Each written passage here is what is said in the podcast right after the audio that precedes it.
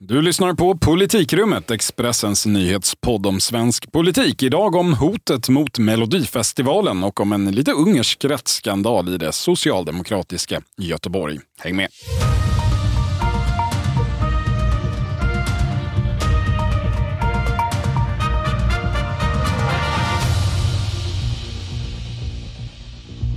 Det är tisdag den 14 mars. Sverige har fortfarande inte gått med i NATO och eh, politikrummet sammanträder för 64 gången. Jag heter som vanligt Viktor Bartkron, men det är faktiskt inte huvudsaken idag. Med för första gången sedan i oktober är nämligen min nygamla kollega Helena Gissén. Hej! Hallå! Trevligt att vara tillbaka tycker jag. Det tycker vi också. Jag talar även för Thomas Nordenskjöld som inte är med oss i studion idag. Eh, du lämnade oss eh, hastigt och tyckte vi olustigt i höstas för att undvika en jävsituation när din man PM Nilsson tog jobb i regeringskansliet. Men den jävsituationen är ju, som en del lyssnare säkert har noterat, inte längre aktuell, om vi säger så. Nej, exakt. Vi vänder blad helt enkelt. Ja, gott så.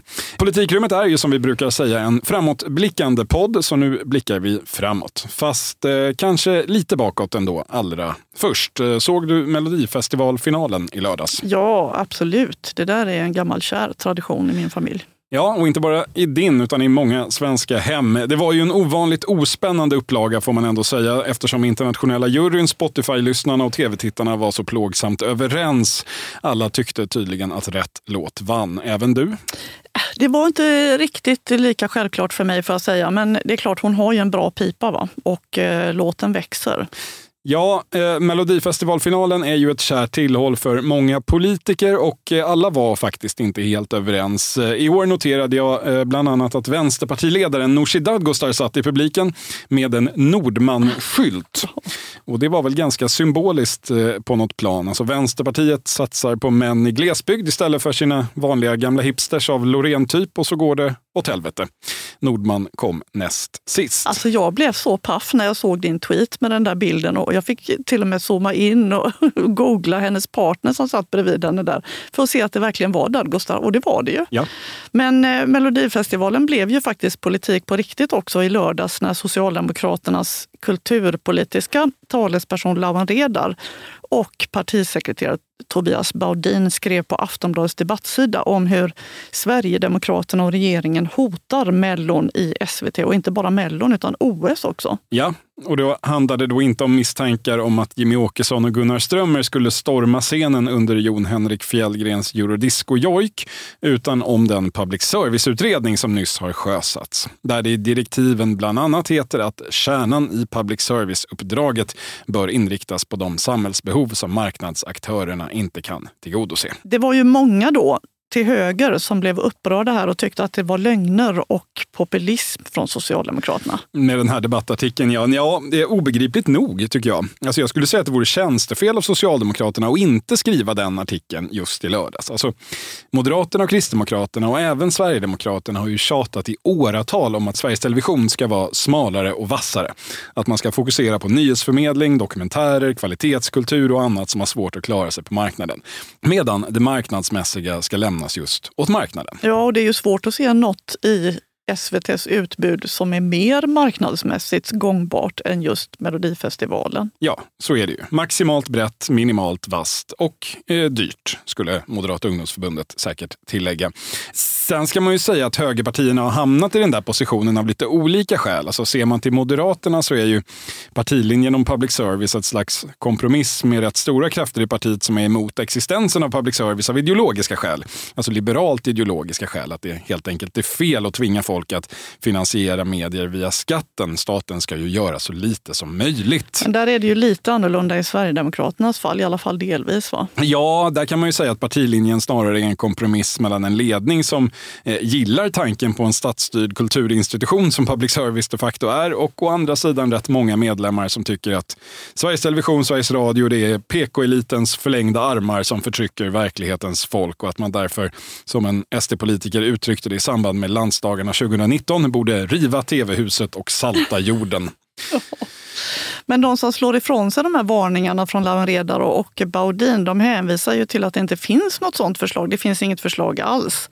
Däremot så finns det en utredning om nästa tillståndsperiod för public service och den ska ledas av den gemytlige Göran Hägglund, gamla KD-ledaren. Ja. Och direktiven är ju ganska allmänt hållna. Ja, och det säger man ju gärna, eh, men det betyder ju ingenting. För det som Göran Hägglund ska leda är ju en parlamentarisk utredning och det är alltså partierna som ska sitta och utreda public service framtid. Det vill säga om en majoritet av partierna vill någonting, ja, då kommer det att bli utredningens förslag. Och regeringen har majoritet i riksdagen och en absolut majoritet av regeringen vill ha ett smalare men vassare public service. Så att vifta undan vad partierna faktiskt tycker enligt sina stämmobeslut med hänvisning till att det finns en utredning, det blir kanske inte all, ett alldeles hederligt försvar här. Mm, nej.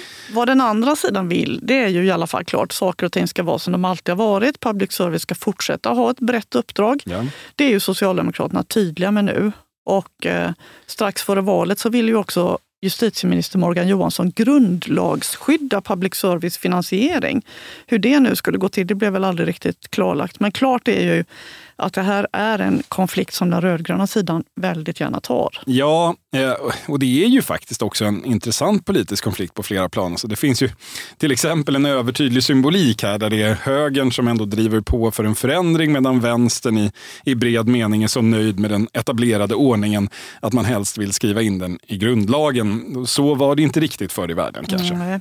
Sen brukar det ju vara mycket väsen i de här frågorna men utan att det i slutändan faktiskt händer särskilt mycket. Se ser man till de försiktiga skrivningarna i Tidöavtalet och i, i de här utredningsdirektiven och det faktum också att Liberalerna ju är varma anhängare av public service så får väl ändå stalltipset vara att det kanske blir en melodifestival även 2027 va? när den nya tillståndsperioden börjar. Ja, det får nog vara det. Det finns ju en anledning till att Socialdemokraterna gärna tar den här debatten och går ut med larmande debattartiklar samma dag som finalen i Melodifestivalen. Och det är förstås att de tror att de vinner på den debatten och att de förmodligen har helt rätt. Det är ju kanske en sak att prata lite vagt om ett smalare public service men det är ju lite jobbigare att förklara, särskilt för äldre väljare då, varför regeringen har stoppat deras favoritprogram i tv. Så att förmodligen kommer man väl att tycka att det politiska priset blir för högt. Ja, när de tänker igenom saken riktigt ordentligt så tror jag kanske att de kommer att landa där. Att det blir för svårt att gå till särskilt eh, sverigedemokratiska och kristdemokratiska väljare och förklara att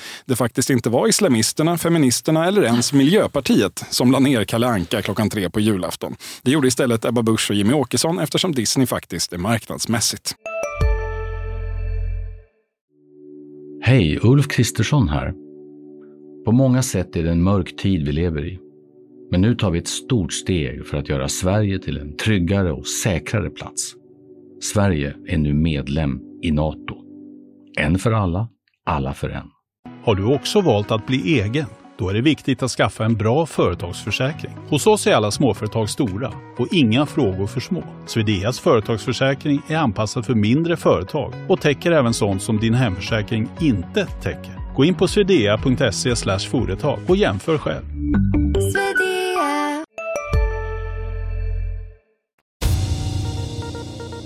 Över då till eh, vinterns kanske mest oväntade politiska skandal som briserade i förra veckan. När Sveriges andra stad Göteborg fick byta smeknamn från Lilla London till Lilla Budapest. Mm, nästan i alla fall.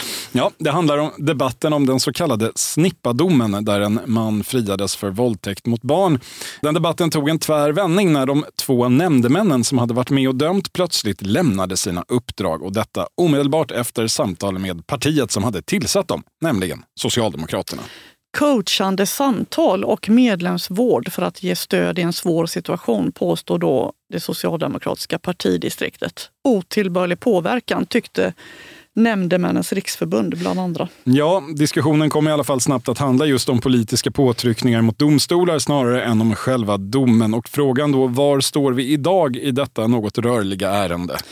Ja, efter helgen så trodde jag nog att historien var över faktiskt. Men idag, tisdag, så säger ordföranden för Nämndemännens riksförbund, Stefan Blomqvist, att han själv kommer att ha samtal med båda de här nämndemännen den här veckan. Han anser att de självklart ska överklaga entledigande till kammarrättspresidenten och begära att få återinsättas. Ja, och den tidigare socialdemokratiska justitieministern Thomas Bodström som har varit ute och rasat i den här frågan, han verkar vara av en liknande uppfattning. Ja, Ja, han har tidigare kallat partidistriktets agerande för ett haveri, bland annat. Eh, och till mig säger han dessutom nu då att Socialdemokraternas VU, eller alltså verkställande utskottet eller partistyrelsen måste se till att det blir ett kongressbeslut på hur partiet ska förhålla sig i fortsättningen till sina nämndemän. Så att det är möjligt att sista ordet kanske inte är sagt i Nej, den här historien. Det verkar ju inte vara det, men annars känns det kanske som att den här saken kulminerade i förra veckan. Eh, Ja, ja alltså den socialdemokratiska krishanteringen den såg ut att ha fungerat. Det var i alla fall då min känsla fram till idag kan man väl säga. Ja.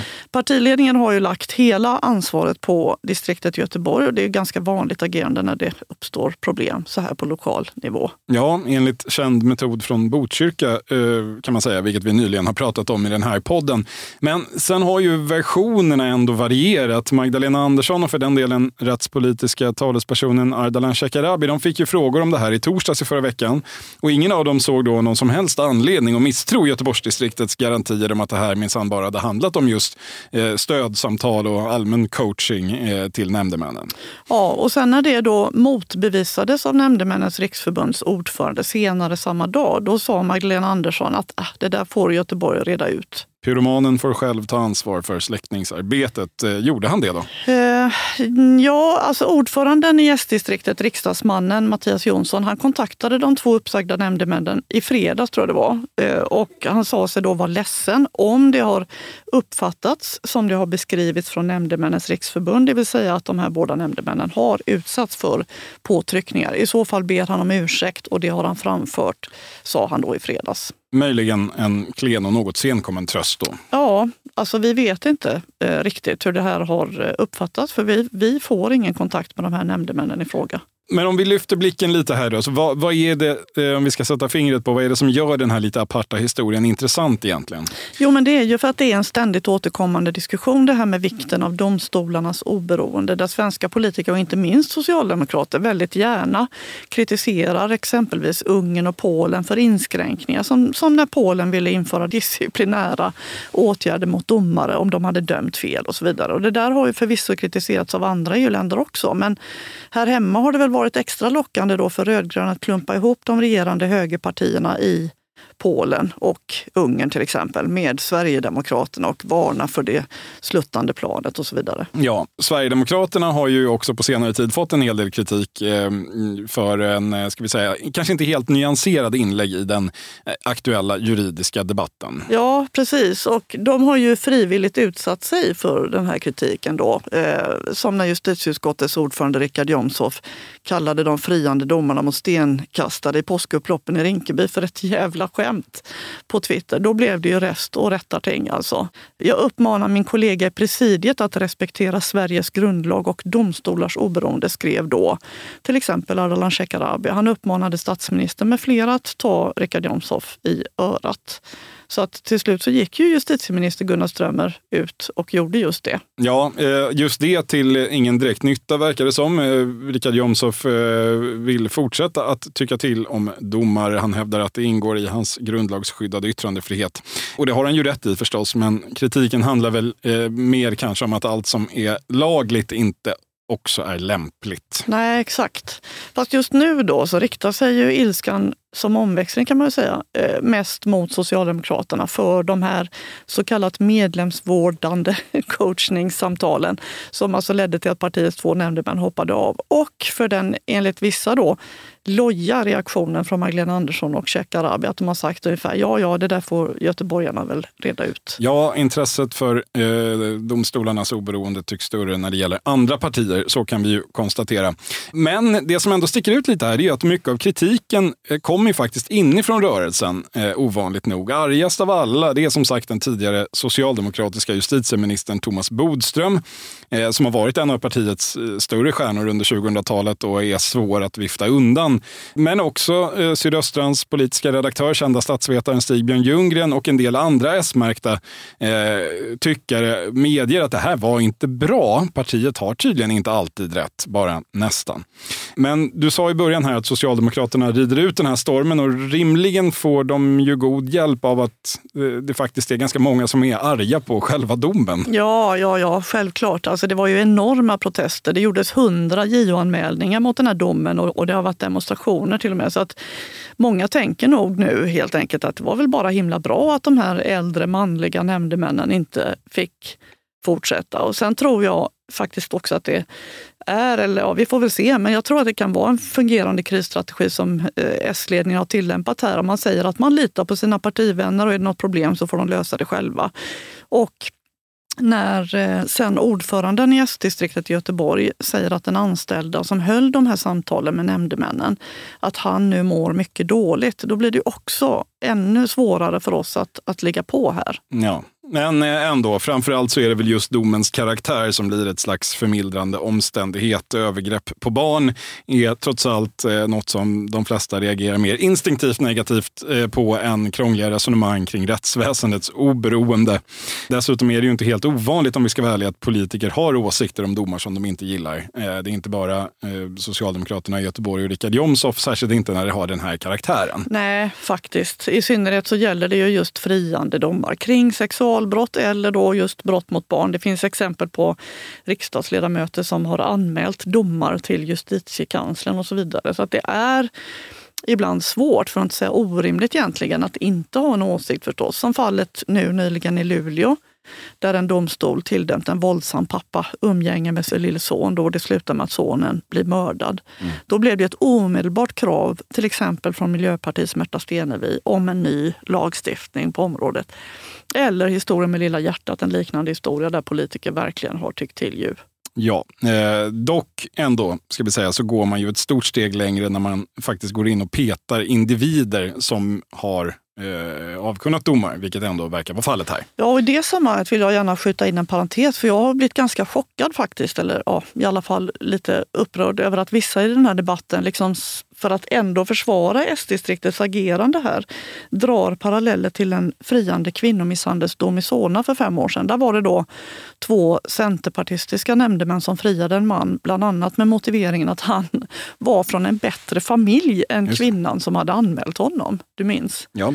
De hävdade i domen då, eh, de här nämndemännen, att kvinnor ofta hittar på att de blir misshandlade och behöver skyddat boende för att på så sätt så kan de få en lägenhet. Och så att den aktuella kvinnan då borde ha gått till mannens släkt med sina anklagelser, inte till polisen ja, tyckte de. Det var ju kanske det mest anmärkningsvärda ändå. För så gör man nämligen i hennes kulturella kretsar då. Eh, och att hon gick till polisen skulle då minska hennes trovärdighet. Ja, men du hör. Ja, eh, där kan man ju lugnt säga att det blev en del rabalder kring den historien. En så jävla konstig dom har jag aldrig sett, sa till exempel Leif GW Persson den gången.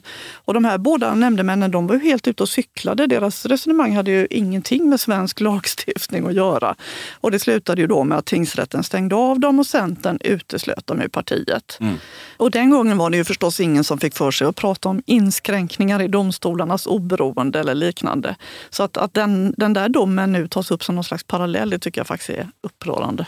Vissa skulle ju invända att den här eh, domen i det aktuella Snippa-fallet är helt uppåt väggarna, även den. Ja, ja, ja, så är det ju verkligen. Men domen håller sig ju ändå, alltså den här domen håller sig ändå inom ramen för svensk lagstiftning. Två juristdomare var ju eniga med nämndemännen här om att hellre fria än fälla den här mannen. Så att det har ändå trots allt handlat om bevisvärdering, även om många juridiskt kunniga bedömer, verkligen som du säger, att domen är felaktig.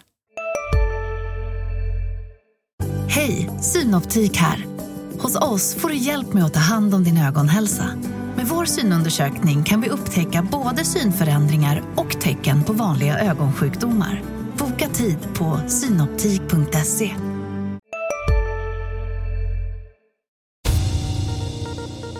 En fråga som infinner sig här är ju då om debatten kommer att leda till förändring av själva nämndemannasystemet. Det är ju inte första gången som det uppstår eh, diskussioner om det. Det är ständigt föremål för kritik eh, och inte minst just det faktum att eh, de här lekmannadomarna utses av de politiska partierna eh, tycker många är anmärkningsvärt. Och det finns ju kan man eh, tänka och konstatera i det här fallet vissa inbyggda risker med just den omständigheten att vi har politiskt tillsatta domare av partierna själva. Ja, det är ju ett evigt ämne. Poängen med den här modellen det är ju att nämndemän ska representera vanligt folk och sunt förnuft. Det ska vara en slags folklig förankring om man säger, av rättstillämpningen. De utses av partierna men de ska ju inte vara partipolitiska i utövandet av det här nämndemannaskapet. Men risken finns ju förstås då ändå att de tar politiska hänsyn och den risken ökar väl rimligen då efter en sån här incident, eller vad tror du?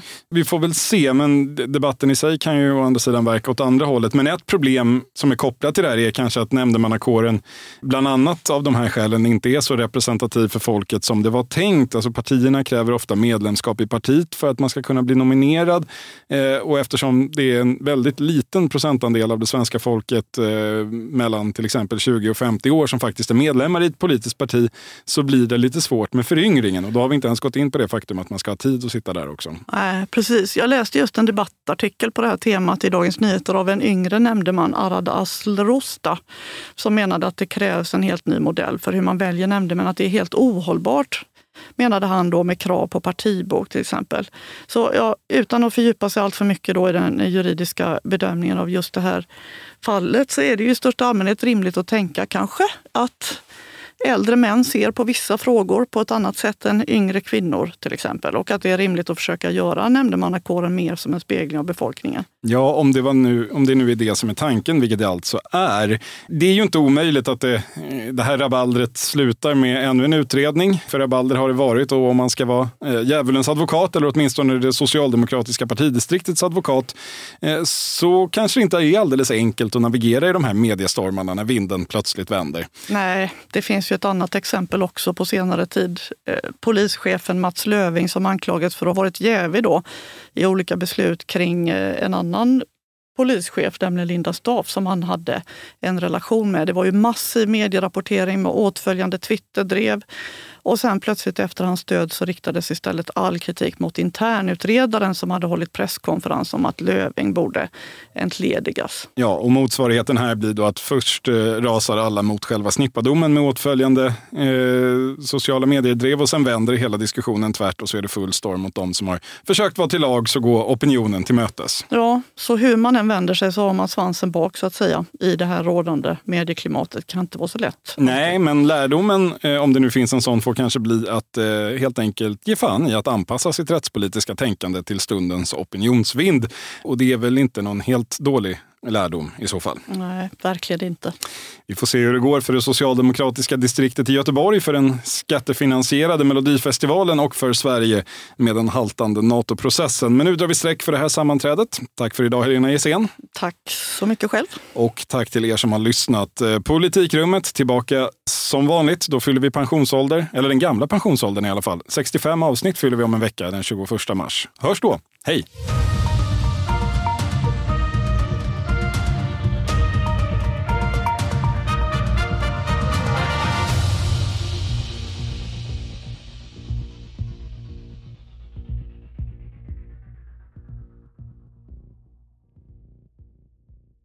Du har lyssnat på en podcast från Expressen. Ansvarig utgivare Klas Granström